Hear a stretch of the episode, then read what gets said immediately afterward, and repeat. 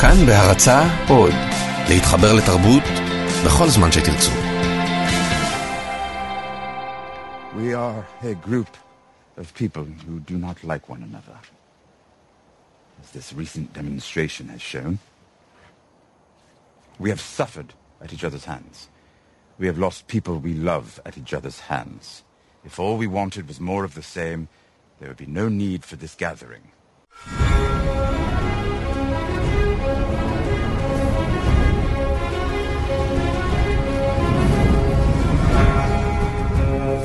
אהלן, אתם על אה, משחקי הדסק, המהדורה השבועית לסיכום האירועים האחרונים במשחקי הכס, עונה 7. מדי שבוע אנחנו מדברים עם עיתונאים, אנשי תקשורת ופרשנים על הפרק האחרון של הסדרה. אנחנו זה האחים לבית מנהר, אני ערן מנהר. ואני אור מנהר. והשבוע, פרק 7, הדרקון והזאב. פרק אחרון לעונה. פרק אחרון לעונה של הסדרה, אבל בואו לא נשכח, הפודקאסט ממשיך לעוד פרק אחד, שיהיה ספיישל סיכום כל העונה. אז בינתיים, מי יהיה איתנו הפעם כדי לדבר על הפרק הזה? הפרשן וחבר הכנסת לשעבר ניצן הורוביץ יהיה איתנו לדבר על אה, מפגש הפסגה האזורי במעלה המלך, ואיש חדשות כאן ועכשיו, אסף ליברמן, על עצות אה, לא טובות של יועצים. גם שליח חדשות 2 לבריטניה, אלעד שמחיוף, ידבר איתנו על שקרים ושקרנים. ושקרניקים. וגם שרון לוזון ידבר איתנו על טקטיקה של שקרים, אבל מהצד של הלוחמה הפסיכולוגית. ולמה שירי ראובן התסריטאי צפתה בפרק הגרוע ביותר בסדרה. בואו נתחיל.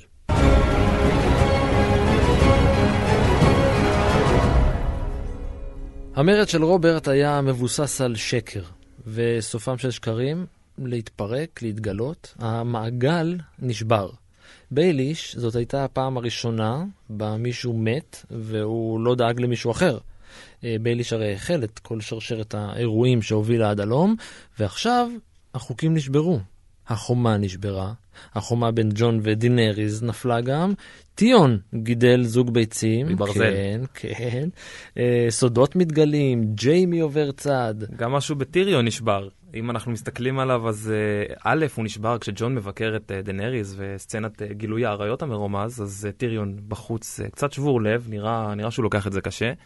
וגם במפגש שלו עם האחים שלו, גם עם ג'יימי וגם עם סרסיי, כשמצד אחד יש לו את סרסיי שהוא פשוט אה, מתפרץ בבכי ונזכר בזה, מבין שהוא הרג את הילדים שלה וכל הכאב הזה.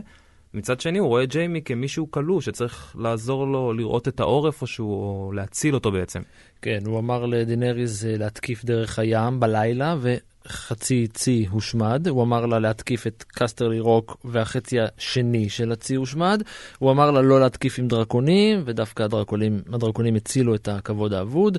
לא משנה מה הוא מציע, טיריון נראה שהוא עושה נזקים. אז איך זה שהוא עדיין בחיים? בוא נגיד שלום לעיתונאי אסף ליברמן מכאן ועכשיו. שלום אסף. שלום, שלום, מה העניינים? נו, אז טיריון הוא לא יועץ משהו. טיריון הוא היועץ הגרוע בעולם. וזה, ממשיך את הקו שדיברנו עליו, שאיך מדמות רעננה ויועץ כזה חדש ומעניין ומאתגר, הוא הופך להיות איזה דוד. אז תשמעו, גם, גם דיברנו על זה פה, על זה שאין שום סיכוי שבסופו של דבר אחותו באמת תראה את טובת הכלל, באמת תתגייס כדי להילחם בהלכים הלבנים. כן, באמת, למה יש לו יחסים אה, מאוד אה, מוזרים או מורכבים, אני לא יודע מה המילה הנכונה פה עם אה, אחותו. לא, אבל יש לנו לא, פה... כי, לא, כי לאח השני יש יחסים, מה זה טבעיים ופשוטים? לא, אבל יש לנו פה, אנחנו, יש לנו איזה, נראה לי, נקודה blind spot לטיריון. אה, אני חושב שהוא יועץ טוב מאוד, ואני באמת מה אתה חושב... אומר? אני חושב שה blind spot שלו, הספציפי, הוא זה שהוא לא רואה שוואריז מתחמן אותו. וכשוואריז אה, לא נותן לו חלק מהמודיעין, וחלק מהמודיעין, ממש הדברים שטיריון אומר, או מתכנן, או מתכנן לשלוח את הצי לאנשהו, ווואריז מתקשר את זה לסרסיי, אז מן הסתם שהצי הזה יושמד. בסדר, בוא, אתה יש לך איזה עניין עם ואריז שאנחנו צריכים לפתור אותו. אני, אם אתה רוצה להיכנס תמיד- לזה, אם תמיד צריך... חוזר לואריז. זה נכון. אבל רגע, שנייה, עזוב רק את, ההנחות וזה. הוא נכנס לחדר עם אחותו, והוא נכון. יוצא מהחדר כשהוא אומר, הנה הבאתי את אחותי חזרה, גררתי אותה על הברכיים חזרה לשולחן המשא ומתן. היא מתחמנת אותו. היא תחמנה. אותו, וזה יחסים של, של אחד על אחד. אין ואריס בעולם, אין לורד ביילי, אין אף אחד. זה רק טיריון והחושים השגויים שלו. והוא נכון. מוליך שולל את כולם, שהוא אומר, הנה, הבאתי את אחותי, ואחותי ת, תגייס את כולם, ו- וכולם ילכו איתה צפונה. בסדר, ואגב, אני עושה את ה... מה שאני כן מוכן לעשות ההנחה לטיריון, זה שגם ג'יימי נופל בזה. וג'יימי מכיר אותה, סליחה על הזה, אבל לעומק. כן. כן, אבל יש אה, באיזשהו מקום, אה, ואם מסתכלים באמת, מפרקים טיפה את הדמות של טיריון ואיך הוא בכלל מסתדר בסדרה מההתחלה ועד היום. אה, יש לו איזה, הוא יודע לזה, לזהות הזדמנויות ולהגיע עם איזשהו מנעד יכולות והצעות למשא ומתן. והוא מסתכל על הכל כאיזשהו משא ומתן, גם כשמאיימים על החיים שלו, אם אתה זוכר שרצו לכרות לו את, ה, את איבר המין ולמכור אותו באיזה שוק שהעבדים תפסו אותו עם ג'ורה, ובכל מיני מקומות, הוא מנסה את כל, ה... הוא מנסה את כל האופציות האפשריות. הוא מנסה להציע כסף, הוא מנסה להציע חברות או אהבה או איזשהו רצון של שליחות או משהו כזה. וגם עם דנריז, אה, לא עם, סליחה, עם אה, סרסי בסצנה הזאת, הוא רץ בין כל מיני אופציות עד שהוא מבין שהיא בהיריון, והוא יודע שזה מה שהוא יכול לתקוף ולצאת עם הסכם. זאת אומרת, מהצד שלו הוא משתמש בדיוק באותה אסטרטגיה, ועדיין, ועדיין הוא מפספס מהלכים צפויים. הוא, הוא שגה, הוא כמה עונות כבר לא פוגע. בעצות שלו, אז אתה יכול להגיד עליו, בסדר, הוא שורד נהדר. ברמה האישית, באמת, אה, גמד בלי יכולות פיזיות ובלי יכולות לחימה, באמת הגיע עד סוף עונה שבע, באמת כל הכבוד לו, אבל זה קצת כמו ש...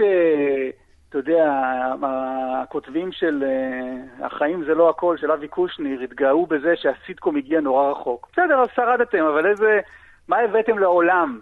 בתחום הקומי. ולחילופין, מה טיריון הביא מתחום האסטרטגיה והייעוץ? שוב, היו לו כמה מהלכים, אבל, אבל כמה עונות, זה כבר לא זה. תגיד, יכול להיות שהוא עושה את זה בגלל שהוא אה, מאוהב בחליסי? השגיאות? אני לא, אני לא חושב, כי אני, אני לא חושב, כי שוב, כי, כי כשאתה היית אמור להכיר את אחותך ולדעת שהיא לא תעשה את זה, אבל באמת המבט הנוגע הזה שלו, כש... הם שניהם בוכים וה... שם אחד על השני. כי הדודה והאחיין, והאחיין שלה מתעלפים, זה באמת היה נראה כאילו, כאילו הוא מרגיש שהוא החמיץ משהו. כן, שהוא מקנא, זה ממש לא נראה ככה. את... והרי בעבר אנחנו זוכרים את טיריון כאחד שהולך לזונות, ואחד ששותה מלא אלכוהול, ו- וקצת בפרק הזה, פתאום ש... אחרי שהוא הבין שסרסי לא הולכת להרוג אותו שם בחדר, פתאום הוא ניגש לקנקן היין, ולא ראינו את טיריון שותה הרבה מאוד זמן. נכון. ופתאום הוא כזה, ראינו אותו בפוזה הזאת, שאנחנו זוכרים אותו מפעם, שהוא היה לוגם עד אין קץ. כן, בהקלה, בהקלה. כן, לשם הוא הולך ב... בטבעיות שלו.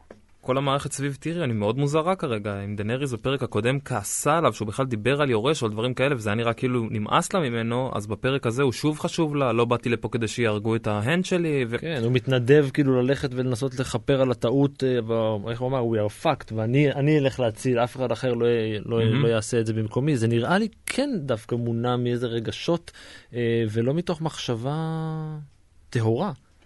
כן, אבל מצד אחד זה לא מסביר את הטעויות שלו.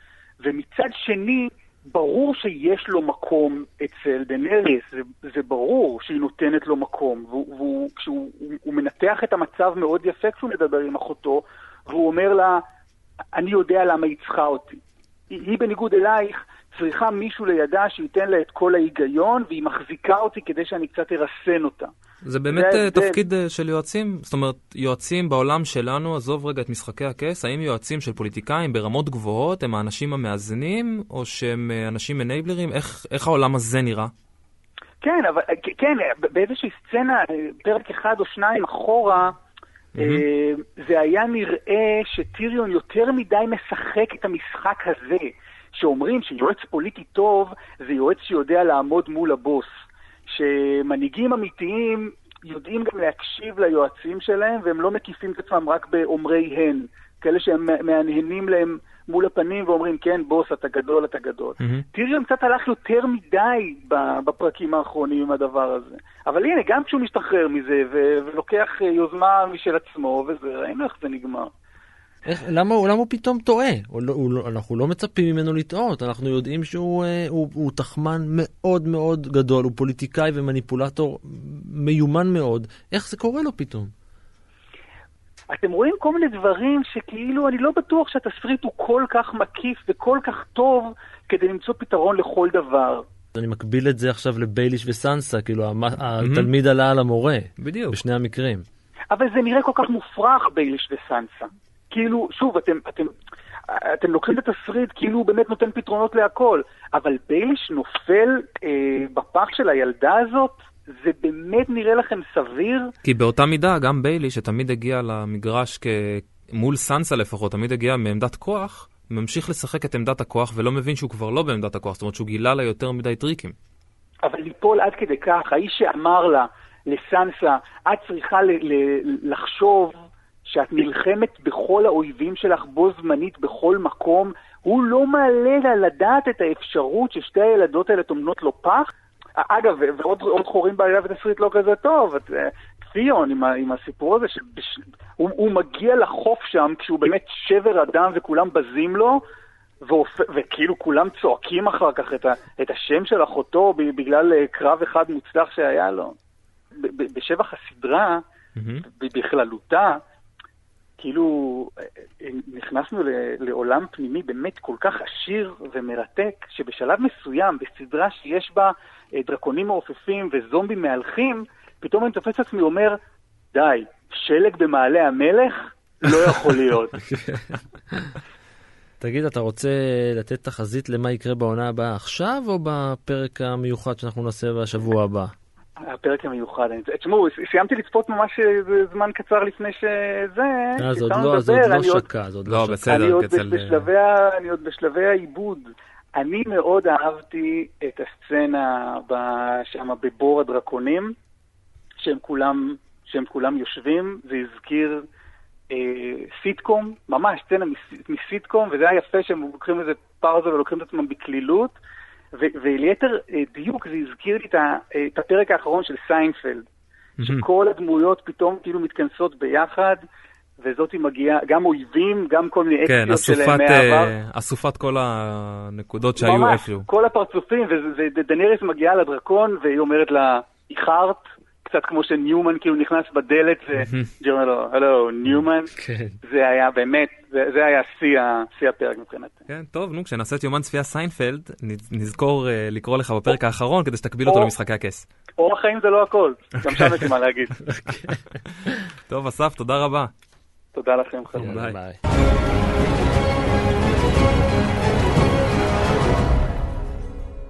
ג'יימי באמת אוהב את טיריון, אה? אני חושב שהוא בעיקר בעיקר מפחד מסרסי. Hmm, אז uh, זאת הסיבה שהוא ברח כנראה, ג'יימי, הוא עבר צד, ונראה שהוא מצטרף לצד של דינריז. Uh, הנביא שרון לוזון, שמלמד באוניברסיטה הפתוחה קורסים באסטרטגיה צבאית, לוחמה וביטחון, הנה איתנו על הקו כבר, הוא התנבא שוב בהצלחה, הוא חזק גם את מותו של טרלי וגם את מותו של בייליש. ואתה לא רוצה שהוא ידבר עליך. לא, לא, שלום שרון.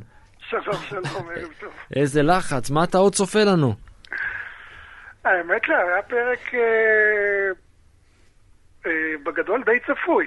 זאת אומרת, אה, התרגלנו לאורך השנים לאיזשהו סוף שמשאיר, טוב, כמובן ההלכים הלבנים באופן צפוי, אה, כדי שהם פשוט יעקפו את ה-East Watch דרך הים, אבל יש להם דרקון, אז למה להתאמץ?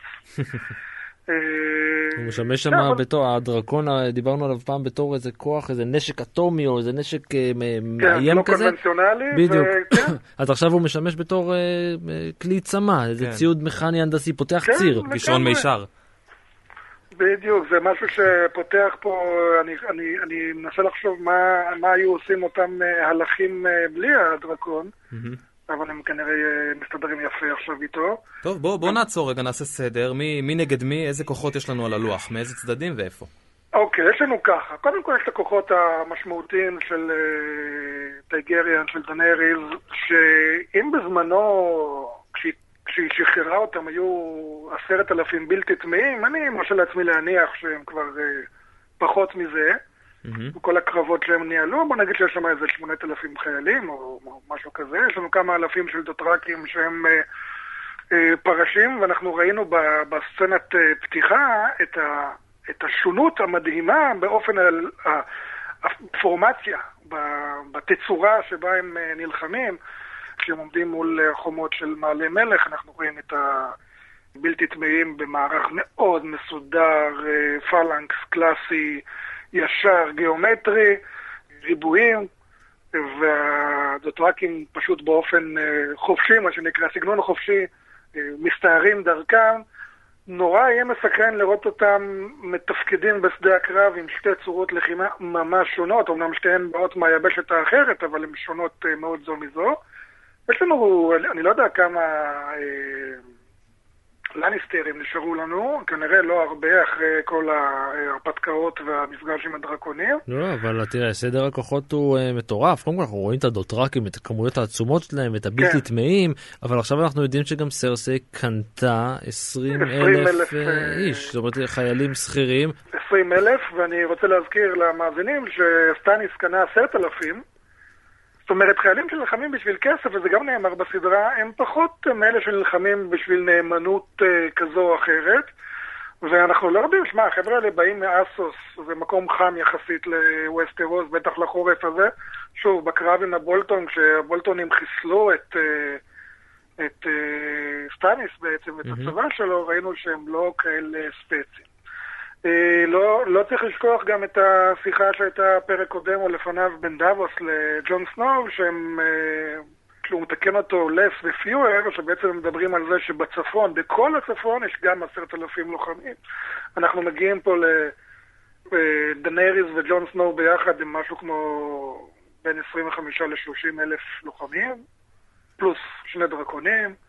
שזה בערך אה, סדר הכוחות של אה, סרסי, אם היא קונה באמת את אה, פלוגות הזהב. כן, אם היא קונה פלוגות הזהב יחד עם הלניסטרים זה גם, אבל מצד שני... אה, ויש לה גם צי, את הצי של יורון. או, יפה. אז זה הצי. והצי הוא גם, הוא לא רק צי לוחמה, הוא גם צי תובלה. Mm-hmm. כי הצי הזה יכול ל- ל- לעשות הרחפה, דהיינו הנחתה על החוף של אותם 20 אלף פלוגות זהב, לאו דווקא למעלה מלך, אלא גם צפונית יותר, ו... ישר לצאת ללחימה מתוך נקודת ההרחפה. אבל כל זה מתגמד לעומת נתון שהערכה של דנאריס באותה פגישת פסגה, שהיא דיברה על 100 אלף מתים נכון. בצבא. אז זהו, בואו, אם אנחנו מדברים, עכשיו יש לנו את הכוחות על השולחן, אנחנו יודעים בדיוק מי נגד מי, ועכשיו אה, איך אה, בריתות צבאיות כאלה קורות בין אויבים, זאת אומרת המטרה המשותפת היא מן הסתם להילחם במתים, איך דברים כאלה קורים בפועל? אבל זה קורה בפועל וגם ראינו דוגמאות היסטוריות מאוד מעניינות לזה. אני חושב שהדוגמה הדוגמה הכי מובהקת שעלתה לי בראש היום זה מלחמת האזרחים הסינית, שאנחנו זוכרים את סופה, אבל ולא זוכרים שהתחילה בעצם ב-1927, בין הקומוניסטים של מאו צטונג לבין השלטון הסיני הלאומני של צ'אנג קיישק. כן. ואני אזכיר למאזינים שב-37, 1937, היפנים פולשים לסין. ובלחץ אמריקאי הם הפסיקו שני הצדדים להילחם זה בזה, חילקו ביניהם פחות או יותר את המשימות של להילחם ביפנים, אלה בצורה סדירה ואלה בצורת גרילה, mm-hmm. ובעצם במשך שבע שנים אה, הלחימה הייתה הסינים נגד יפנים, ועם הכניעה של יפן, כאילו כלום לא קרה, חזרו להילחם מ-45 עד 49, עד הניצחון של מאו צטונג, אבל למעשה בתוך המלחמה המאוד ארוכה הזו, כל הזמן שהיו, שהאימפריה היפנית הייתה פיזית בסין ודיכאה את הסינים ורצחה המון מהם, ממש סכנה, הייתה שם, אה, היה שם רצח עם, הייתה שם השמדה המונית, עצרו את המלחמה ביניהם עם כל השנאה, עם כל העוינות, ובעצם עשו פאוזה והמשיכו אחר כך. ההבדל הוא באמת במהות שם, הוא בין אה, אסטרטגיה וטקטיקה. החלוקה בין אסטרטגיה לטקטיקה היא, אני, אני אעשה אותה הכי, הכי פשוט, כי היא מתאימה, החלוקה הקלאסית של לפני 200 שנה מתאימה לסדרה הזו. טקטיקה זה מה שקורה בשדה הקרב.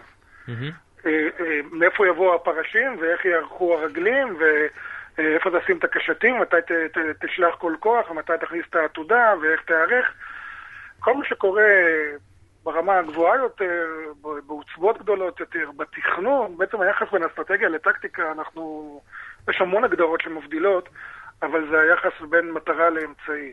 אתה, אתה מצייר לך איזשהו אה, אה, רצון אה, אה, גדול, מבצעי, ומתרגם אותו לפעולות בשטח. אז בוא, בוא בעצם נעשה, נלך על, ה, על התחזית שלך, מה, מה אתה צופה ש, שיקרה בעקבות כל המפגש, בעקבות הפרק הזה, מי יבגוד במי, איפה, כל, איפה המלחמות אה, של העונה הבאה יקרו? קודם כל, אה, כל הכוחות שעומדים לרשות אה, דנייריס וג'ון, יצטרכו לעמוד מול הכניסה של ההלכים הלבנים. כולל דרקונים, כולל דרקונים מול דרקונים וכן הלאה. כן. אה, אנחנו מכירים, אגב, כל מי שקצת בקיא עם ההיסטוריה של מלחמות השושנים, אה, הבריטיות, mm-hmm. האנגליות, סליחה, הלנקסטר ויורק, הרבה פעמים אנשים פעלו נגד המלך בשם אותו מלך שהם פועלים נגדו. זאת אומרת, הם, אה, הם כלאו את אדוארד החמישי במצודה בשם אדוארד החמישי. זאת אומרת, זה לא חריג שמישהו יעשה משהו בשם המלך. ואגב, גם בתקופות יותר קרובות אלינו, מחמת עלי, מוחמד עלי במצרים, פעל בשם האימפריה העות'מאנית כנגדה. אבל הוא כן השליח של האימפריה העות'מאנית. יותר מדי דמויות פה נעלמו באופן, זאת אומרת, אני לא רואה את בריק דנדריון וטורמונד נעלמים ככה כי החומה נפלה. אני מצפה שהם יצוצו מתישהו. מבטיחים לנו כל מיני סגירות חשבונות. ראינו את קלייגן אחד מסביר לאחיו הגדול שהוא עוד ילך לסגור איתו חשבון. כן. הדברים האלה יצטרכו למצוא פתרון מתישהו. טוב, שרון, אנחנו... נאלץ לחכות ולראות. בעונה הבאה נתקשר אליך ונראה אם אתה אוכל את הכובע או שיצאת נביא שוב. אחלה. טוב, תודה רבה. תודה לכם.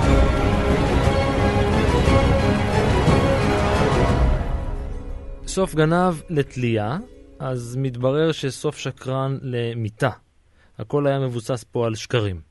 כן, רוב הפרק היה עטוף, שזור באיזה נרטיב של שקר כזה, של uh, ג'ון לא משקר, uh, סרסי משקרת, uh, בייליש מת בגלל שקרים, המלחמה בכלל התחילה, כל המלחמה של רוברט והמרד התחיל בגלל שקר, טיון מתוודה וזה עובד לו, וריז לא מדבר, האיש הכי שקרן בערך בווסט רוז. כן, מי שחושב שכל הפרק הזה היה שקרי, הוא שליח חדשות 2 לבריטניה, אלעד שמחיוב. אלעד, שקרן, שקרן. Uh, takes one to know one, אני uh, חושש. לא, תשמעו, uh, זה מוטיב חוזר בפרק הזה, וזה עוד במסגרת הניסיון של משחקי הכס בעונה הזו, uh, להרגשתי, לחנך את הצופים. ראינו פרק שעסק בסוגיות של מוסר, לא זוכר בדיוק איזה פרק זה היה, אבל דובר שם על מה, מה מוסרי ומה לא מוסרי בזמן מלחמה, בזמן שלום, האם לתת פקודה וגם לבצע אותה, האם זה יותר מוסרי, פחות מוסרי, אז הנושא הזה עלה, והפעם אנחנו מדברים על שקרים, כלומר זה היה מאוד בולט בפרק הזה שמנסים לחנך אותנו שלשקר זה רע, וגם אם בסופו של דבר יעבור הרבה זמן, שקר יתגלה, אה, ולומר את האמת, זה הדבר הנכון והטוב והצודק. תראה, ראינו דווקא שמי שמשקר בסדרה הזאת, בדרך כלל הוא שורד ומגיע מאוד מאוד רחוק, עד סוף עונה שבע. אה, מה קרה פה? איזה, איזה מעגל נשבר לנו פה? תשמעו, אני, אני רוצה לעשות שנייה איזה מבט על, ולמרות שאני בכמה פרקים אחרונים של הפודקאסט, של הסדרה, הייתי על תקן המאוכזב, אה, אני חושב שהסדרה, בדומה מאוד לדמויות שבה, עברה דרך מאוד ארוכה וגם היא התפתחה והשתנתה. Mm-hmm. ואני חושב שבפרק הזה אנחנו רואים למעשה סדרה אחרת. כלומר, בעונה הזו, בפרק הזה, אנחנו רואים אה, אה, משחקי הקץ שהיא יותר מיושבת, אה, יותר אולי מדברת בערכים אוניברסליים של טוב ורע, וזו לא הסדרה שראינו בעונות הראשונות שבהן באמת אה, הטובים לפעמים מפסידים והרעים מנצחים, וה... אה, אה, מי שמת הוא פתאום יכול להיות גיבור אה, טוב ומוסרי, ומי שחי הוא דווקא אדם נכלולי ושקרן. אני חושב שהפרק הזה סיכם בצורה מאוד תמציתית את, את האופי החדש של הסדרה כולה. אז אתה חושב שאנחנו לקראת סדרה, סדרה על אמת? סדרה שכולם, כל הדמויות בה כנות, ושמאוד קשה להתחמק ולברוח מהעבר ומהשקרים. כי לא יודע, אני מרגיש לדוגמה סרסל, לדעתי עדיין משקרת לגבי ההיריון. שמעתי את התיאוריה הזו, mm-hmm. אני באופן אישי לא חושב, כלומר, אני חושב שהיא באמת בהיריון, אבל בסופו של דבר מה שנשאר בי בפרק הזה, אפרופו השרים של סרסי, היה דווקא המשפט האחרון שדיברו סנסה ואריה. הם ציטטו איזשהו משפט של נד סטארק, אביהם נוח, על כך שהזאב הבודד אה, ימות והלהקה תשרוד. ותשימו לב מה קורה, אנחנו אה, ראינו קבוצה מאוד גדולה של אנשים שהתקבצו למעין משפחה, שזה דינאריס, וזה ג'ון סנור, וזה טיריון, וזה טיון גרייג'וי, שאגב, החלק שלו בסדרה הזאת לא ברור לי בכלל והיה קטסטרופלי בפרק הזה, והם התקבצו למעין משפחה. עושה רושם שג'יימי לניסטר מצטרף אליהם, גם אפרופו שקרים, הקש ששבר את גב הגמל מבחינתו היה השקר של סרסי, והוא אומר, אני נדרתי נדר, אני נתתי מילה, שוב, הקטע הזה של אמת ושקר. מחזיר אותנו לכל מיני נבואות, שזה קטע מאוד חזק בסדרה הזו. אה, גם הנבואה על כך שאח של סרסי יהרוג אותה מצד אחד, ועוד נבואה מהצד השני, אייגון טרגריאן. גם בנבואות האלה, כלומר, יכול להיות שאנחנו רואים פה איזה סוג של סגירת מעגל. כלומר, מצד אחד הנבואה שסרסי קיבלה, מהצד השני הנבואה של משפחת אה, שושלת טרגריאן. אני מקווה שמתחילים באמת אה, לסגור את כל הקצוות בהיבט הזה. אני שמעתי תיאוריה מעניינת, שאח של סרסי לא יהרוג אותה. כשהיא קיבלה את הנבואה, היא קיבלה אותה בוולריאנית גבוהה. בוולריאנית גבוהה, המילה, המילה אח קטן שנאמרה לה, אה, היא מילה כללית, היא לא האח הקטן שלך, היא אח קטן יהרוג אותך. והאח הקטן שנכנס אלינו בעונה הזאת לסדרה זה יורון גרייג'וי, וחלק מהנבואה מדבר על איך האח, האח הקטן יהרוג אותה עם הידיים שלו. ולג'יימי אין ידיים, יש לו יד אחת, וכולם כבר חושדים שטיריון אולי בכלל לא לניסטר, ולכן יכול להיות שהאח הקטן הזה זה יורון, וכשהוא פוגש אותה ומביא לה את המתנה, הוא גם אומר לה, אני כאן ויש לי שתי ידיים. אני, אני מאוד אתאכזב, אני חייב כן? לומר, אם זה, אם זה היה מקרה. אני חושב כן, שיורון הוא דמות מרתקת. הוא, אנחנו לא יודעים עליו כמעט כלום, אנחנו טובה. יודעים שהוא הסתובב בכל העולם, הוא אסף חפצים מיסטיים ולמד קסמים, וגם היום, כשאנחנו יודעים בוודאות שהוא משקר, הוא מדבר על החייל המת והוא אומר, זה מפחיד אותי. עכשיו, זה בוודאות לא מפחיד אותו. הוא מן הסתם לא הולך חזרה לצוקים. אז אם שום דבר לא מפחיד אותו ולא מרתיע אותו, כמה הוא רעה. תשמע, כל הקטע הזה, אה, בתור צופה, היה לי די מוזר. אה, הוא לא נראה, ואנחנו יודעים שהשחקנים שמשחקים את הדמויות במשחקי הקט הם שחקנים מעולים, אה, והוא לא נראה כמי שמפחד. וכשישבתי וראיתי את הסצנה הזו, אמרתי, משהו פה לא, לא מריח לי טוב, הקלות שבה הוא פתאום מחליט לנטוש ולעזור. ואז באמת אנחנו מגלים, אפרופו שקר, שגם זה היה איזשהו שקר. אני אתאכזב מהסיבה שיורון הוא, הוא דמות מרתקת, הוא דמות מעניינת, הוא, הוא דמות אה, אה, צבעונית, אבל הוא חדש. ומבחינתי, מי שצריך להרוג את סרסי, אם באמת היא תמות בסוף, הוא אחד מהוותיקים. אה, כלומר, לקחו אותנו לאיזה מסע במשך אה, שמונה עונות יהיו בסופו של דבר, ופתאום נותנים לאיזה דמות חדשה ויחסית מינורית את הכבוד ואת האחריות של אה, להרוג את סרסי. אותי זה יאכזב. אתם יוצאים מנקודת הנחה שניכם ש... שאנחנו מדברים פה על שקרים ועל אה, שקרנים, אתם יוצאים מנקודת הנחה שכל הנביאים והנביאות דוברי אמת. או ואני... שסרסי גם דוברת אמת כי היא קיבלה את הנבואה לבד. כן, כן. אגב, אז אני, על זה רציתי להגיד לכם, שפה משחקי הכס השאירו בעצם את, אה, את שתי, שתי האופציות פתוחות. כי מצד אחד, יכול להיות שאנחנו באמת מגיעים לאיזו נקודה שמתחילים להתכנס לתוך הנבואות האלה, ומה שהיה הוא שיהיה, והכל מכתוב, מה שנקרא. מהצד השני, הם השאירו גם דלת אחרת. אה, דינארי סרט לג'ון סנואו, אה, קיבלתי איזושהי נבואה שאני לא יכולה להיכנס להיריון, והוא מבטל את זה בהינף יד ואומר לה, עזבי, אל תאמיני לכל מה שמכשפה אומרת לה, יכול שהמכשפה הזו לא הייתה אמינה במיוחד. Mm-hmm. מן הסתם הוא חושב על uh, מליסנדרה ומה שהוא מכיר ויודע. אבל הם משאירים פה בעצם שתי אופציות. כלומר, מצד אחד, יכול להיות שהנבואות סופן להתגשם. מהצד השני, יכול להיות שכל מה שאמרנו לכם עד עכשיו, אפרופו נבואות, זה בעצם שטויות ושקרים uh, ובלבולי מוח שלא יתגשמו. גם אני קצת יצאתי נביא, וגם קצת לא. א', סרסי אכן קנתה את הגולדן קומפני, 20 אלף איש. ב', אמרתי שיכול להיות שסנסה לא כזו מטומטמת, ושיכול להיות שהיא עושה פה איזה סיבוב. מצד שני, גם קיוויתי בשידור חי בטלוויזיה שבייליש עוד יושב על כס הברזל. זה פדיחה, אבל למרות שגם אני קיוויתי שבייליש עוד יישב. אה, בינתיים ג'ון סנואו הוא הבן של רייגר ולא של רוברט, אז גם אני איפשהו טועה ומשלה את עצמי. אה, ובזמן שהוא עסוק עם אה, דודה שלו בספינה, הצפון עובר פשוט טלטלה. כן, אז מה? סנסה יצאה מלכה? אני חושב שכן, כלומר, אני חייב להגיד שוב, אפרופו נביא ולא נביא, והיו לי לא מעט טעויות אה, בהערכות לאורך השנים, אבל דווקא, דווקא את האופציה הזו שבה היא בעצם מפוקחת ומתפכחת ורואה שמנסים לעבוד עליה, אני חושב שהיה די ברור אה, לראות לאן זה הולך, מהסיבה שאחרת סנסה הייתה בעצם נשארת הדמות היחידה במשחקי הכס שלא עברה איזושהי מסע ולא עברה איזושהי דרך, אלא נשארה בדיוק באותה נקודה.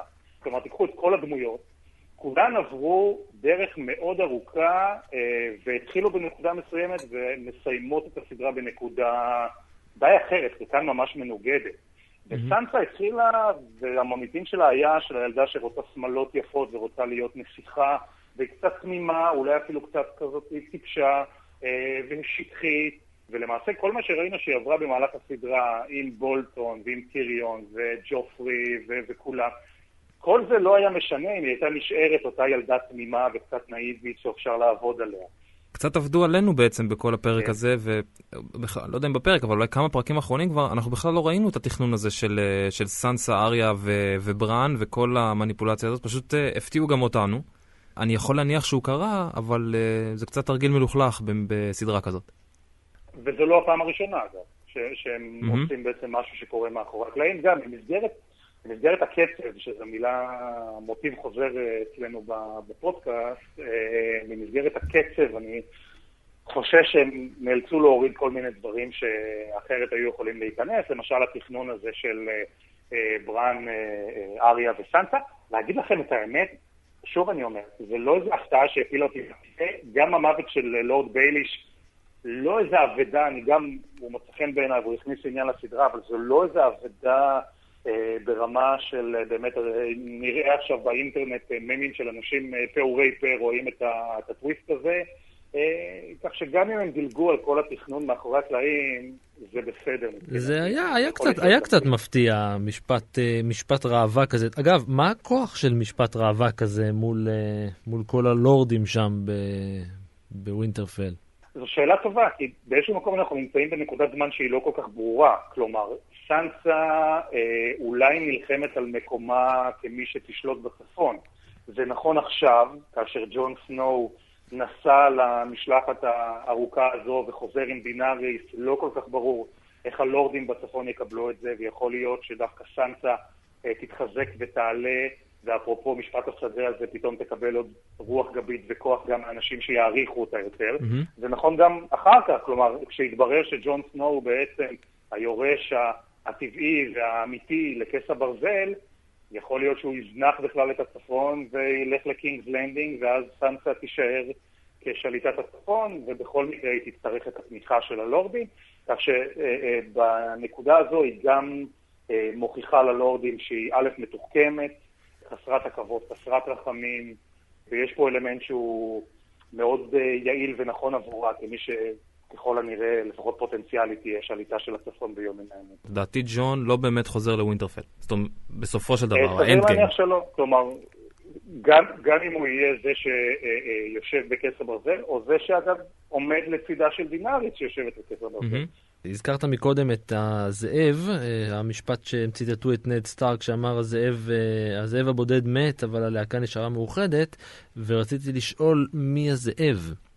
אז, אז שוב, אני, אני לקחתי את זה לכיוון של סרסי, כלומר היא באיזשהו מקום נשארה לבד, עושה רושם שהאחים לבית לניסטר התאחדו, ככה לפחות זה נראה, דינאריס, ג'ון, סנסה, אריה, כולם נלחמים באותו צד, וסרסי בעצם, נכון, יש לה את הגולדן קמפני, אבל אנחנו יודעים, כבר שמענו את זה בעבר בסדרה, שבעצם אה, שכירי חרב הם לא נאמנים, כלומר, הם שכירי חרב, הם, הם, הם, הם נלחמים עבור המטבע.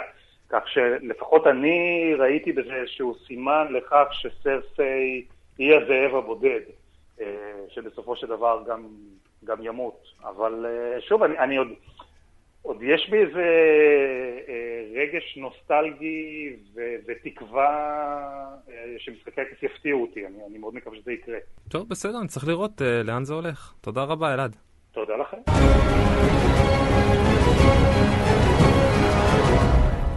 אז אה, בואו נדבר על אה, מפגש הפסגה שהיה לנו סוף סוף. מצד אחד יש לנו, את, אה, יש לנו צבא, סרסי, ג'יימי, המייסטר השחור, The Mountain, ברון שאיתם. מהצד השני יש לנו צבא, צבא דותראקים, דרקונים, ודנריאס ג'ון ואסופת אנשים כמו קלגיין, בריאן, פודריק, טיריון וכו'. אז uh, בשביל לברר מי ניצח, מי הפסיד, מה, מה קרה שם בעצם, אנחנו נגיד שלום עכשיו לפרשן ולחבר הכנסת לשעבר ניצן הורוביץ. היי ניצן. שלום ערן. מה העניינים? שמע, אנחנו כבר במתח לקראת העונה הבאה. כן, השאירו אותנו על הקצה. כמו תמיד.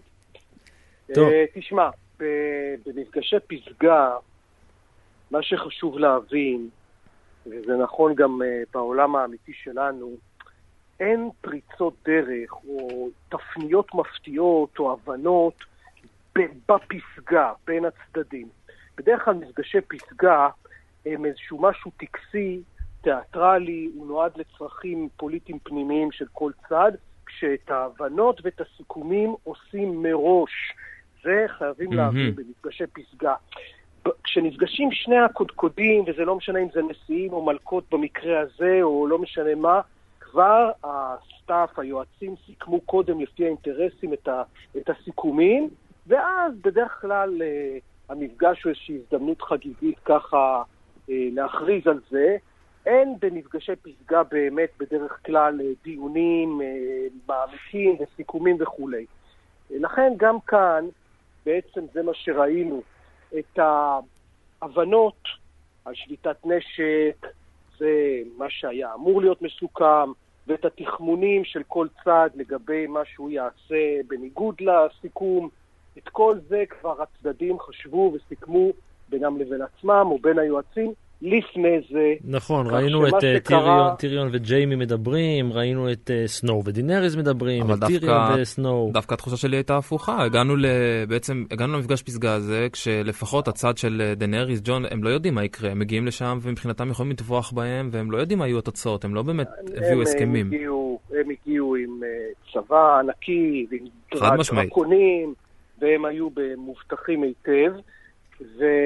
היא, סרסי, מבחינתה, זה לא באמת משנה מבחינתה מה דנייריז הייתה אומרת ומה ג'ון סנו היה אומר, היא כבר היה לה בראש את כל הסידור, היא כבר ארגנה את כל הדרכים, אה, ואנחנו, זה עוד חלק מהדברים רק ייחשפו בעונה הבאה, אני מניח, אבל כל המהלך ההוא ש, שההוא נוטש בזעם, אה, יורון, mm-hmm. כן, וגם כן, הכל סוכם כבר מראש, הכל היא תכננה ובעצם השתמשה בדבר הזה בשביל...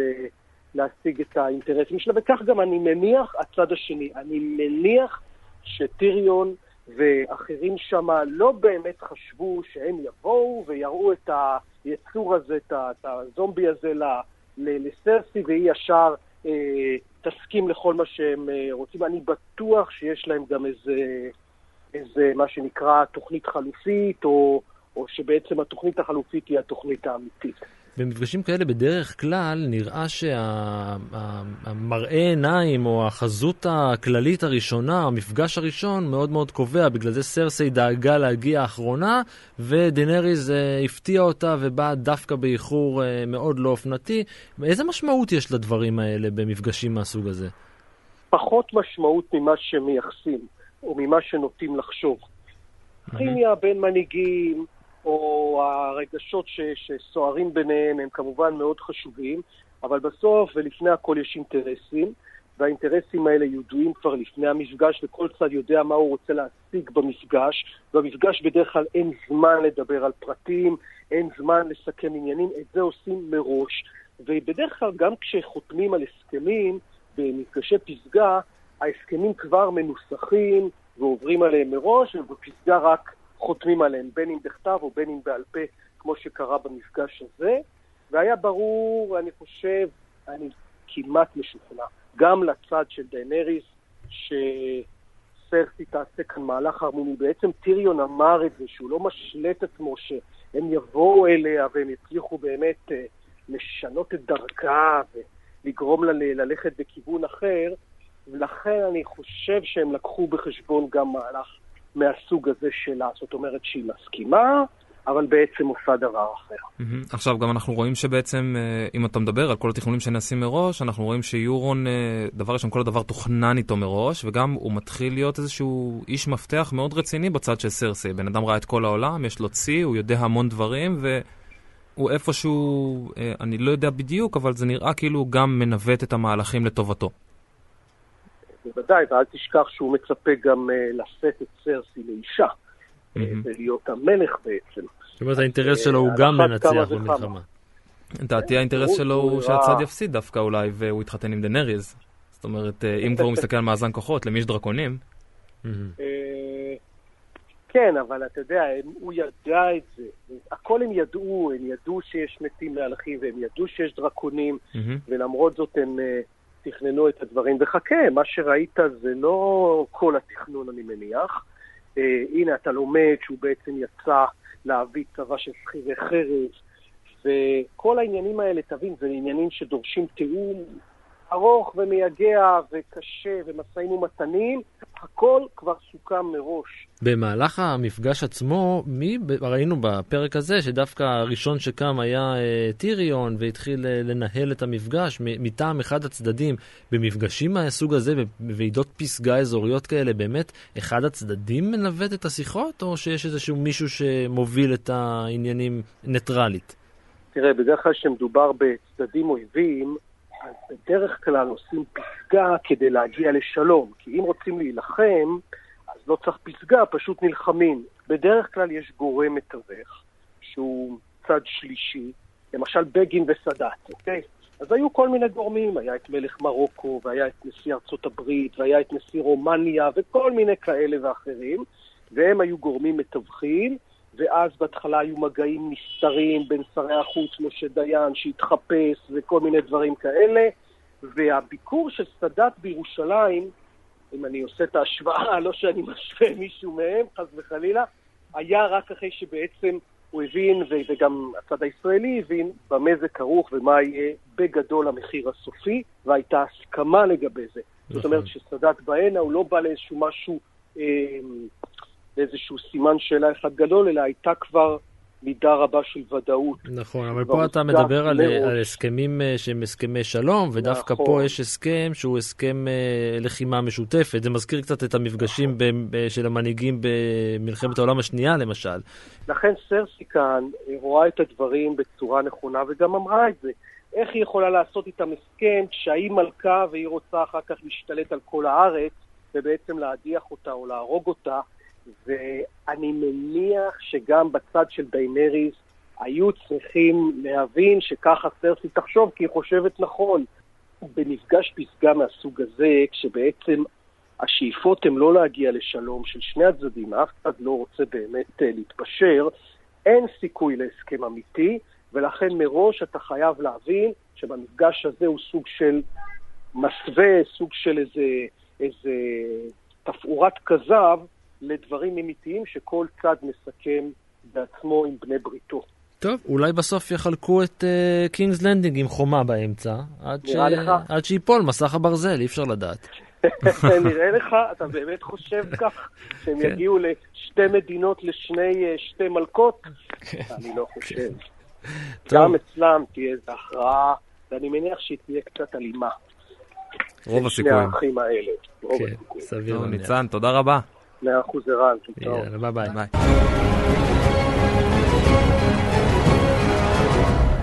טוב, זה היה צפוי, ובכל זאת קצת מרגש. ראינו את הרמז המטרים, אזכור שג'ון סנואו הוא בן של נד סטארק, והנה הגיעה הסצנה והסוד מתגלה. הוא נולד בדורן, הוא לא סנואו, הוא סנד. והוא אפילו לא סנד, הוא טרגריאן. והוא אפילו לא ג'ון, הוא אייגון. אייגון טרגריאן, היורש החוקי של שבע הממלכות. וכרגיל, איך אפשר בלי כל מיני חורים בעלילה ובתסריט? א', זה שלא ג'ון מגלה את זה, אלא סם מגלה את זה, שזה כבר חסר משמעות באיזשהו מקום, כי למה לא לעשות את הסצנה הזאת עם ג'ון? והדבר השני זה שסם מגלה לעורב בעל שלוש העיניים פרטים מהעבר. זה קצת מטופש. הוא גילה והוא מיד הלך לבדוק. כן, אז uh, מצטרפת אלינו תסריטאית שיר ראובן, בדיוק בשביל לדבר איתנו על הפאקים הברורים בעלילה. שלום שיר. שלום. יא, אני, אני כבר אה, לא נעים לי לשאול אותך, אבל איך היה פרק?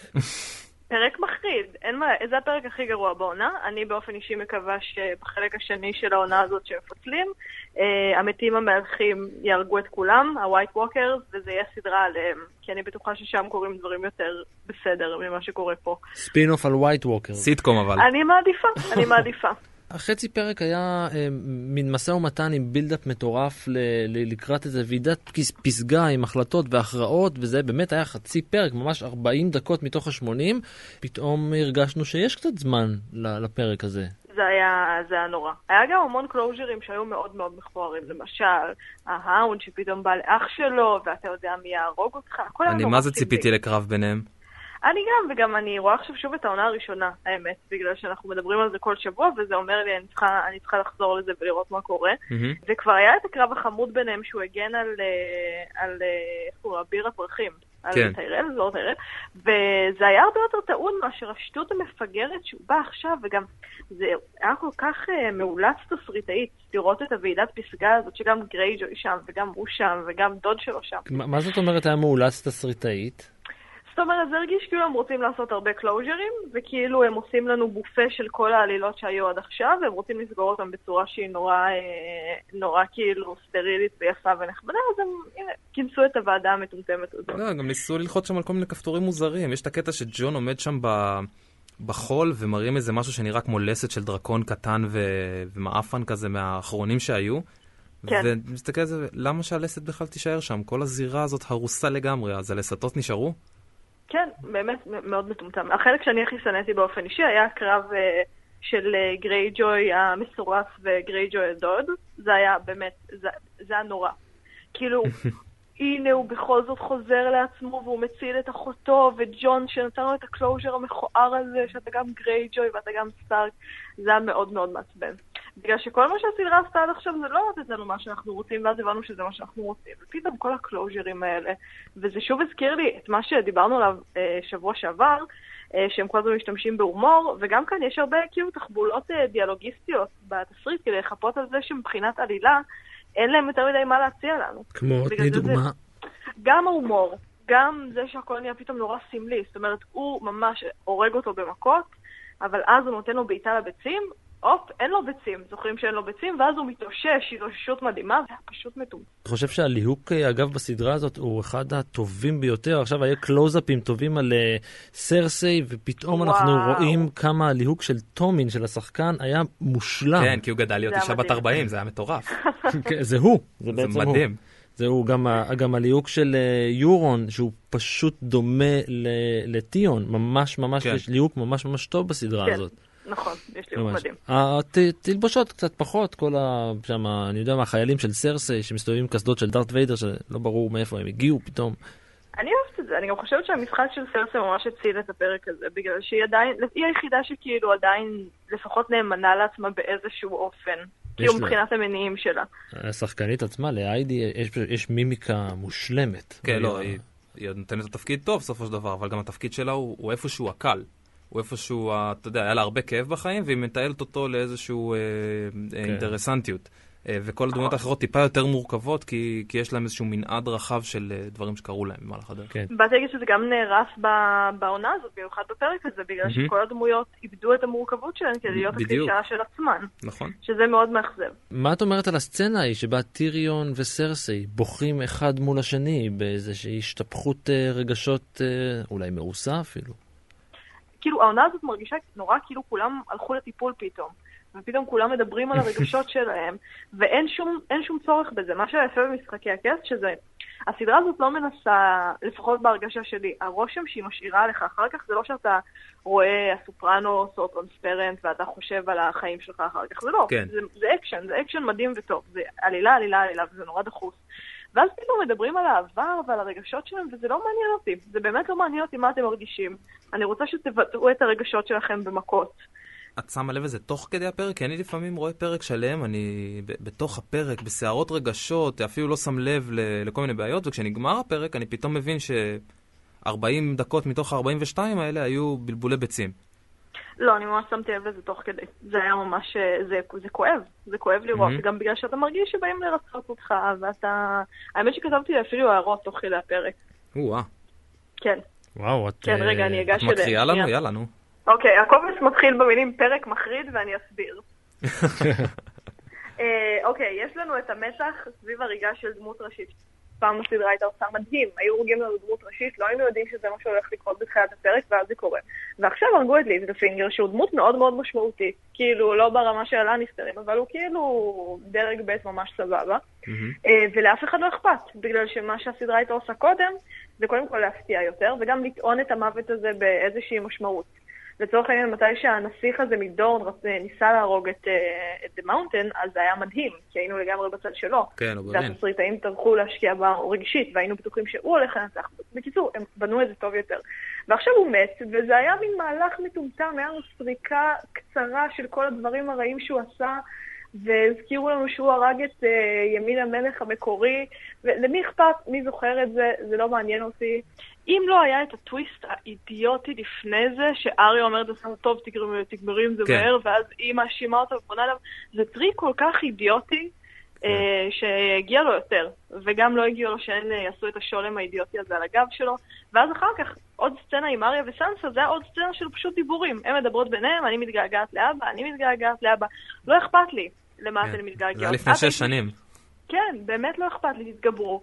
Uh, מעצבן אותי שדמויות מקבלות את מה שמגיע להן ונסגרות יפה, שזה ההפך למה שהסדרה הבטיחה לי עד עכשיו. כאילו דמויות לא קיבלו אף פעם את מה שמגיע להן, החמודים מתים והרעים מתים, כולם מתים, ופתאום יש את האתרוג התסריטאי הזה סביב דמויות, נגיד ג'יימי, ששוב איימו עליו שהוא ימות, ובעונה הזאת הוא עוד פעם כמעט מת עם הדרקון, ואם הייתה, הסדרה הייתה ממשיכה בקו הזה, הוא היה מת.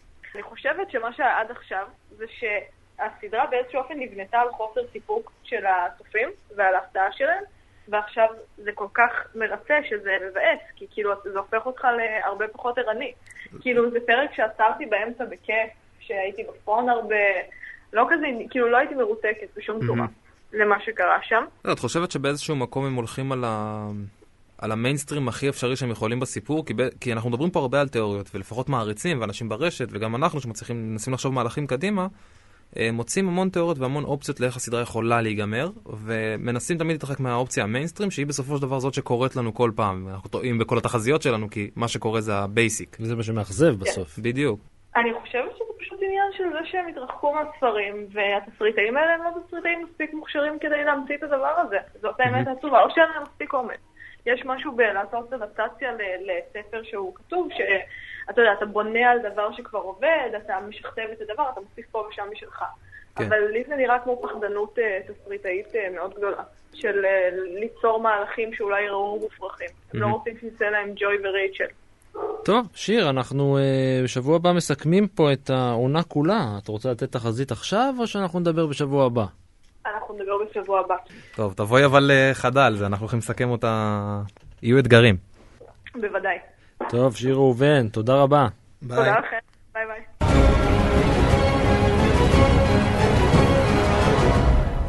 ועד כאן משחקי הדסק לשבוע זה. נודה לכל מי שלקח חלק בפרק, לניצן הורוביץ, לאסף ליברמן, לאלעד שמחיוף, לשיר ראובן ולשרון לוזון. תודה גם לז'אנה יגאל מהאולפנים בחיפה, ולטכנאי אוסקר טרדלר. תודה גם לנטע סער שסייעה בהפקה. שתי תזכורות יש לנו אליכם. אחת, הסדרה משחקי הכס שודרה בשידור חי ומתורגם בישראל בהוט, יס וסלקום TV. והתזכורת השנייה היא שבשבוע הבא אנחנו חוזרים עם ספיישל חגיגי לסיכום העונה. שווה להאזין. זהו, סיימנו. תודה גם לך, אור מנהר. ותודה גם לך, ערן מנהר. יאללה ביי.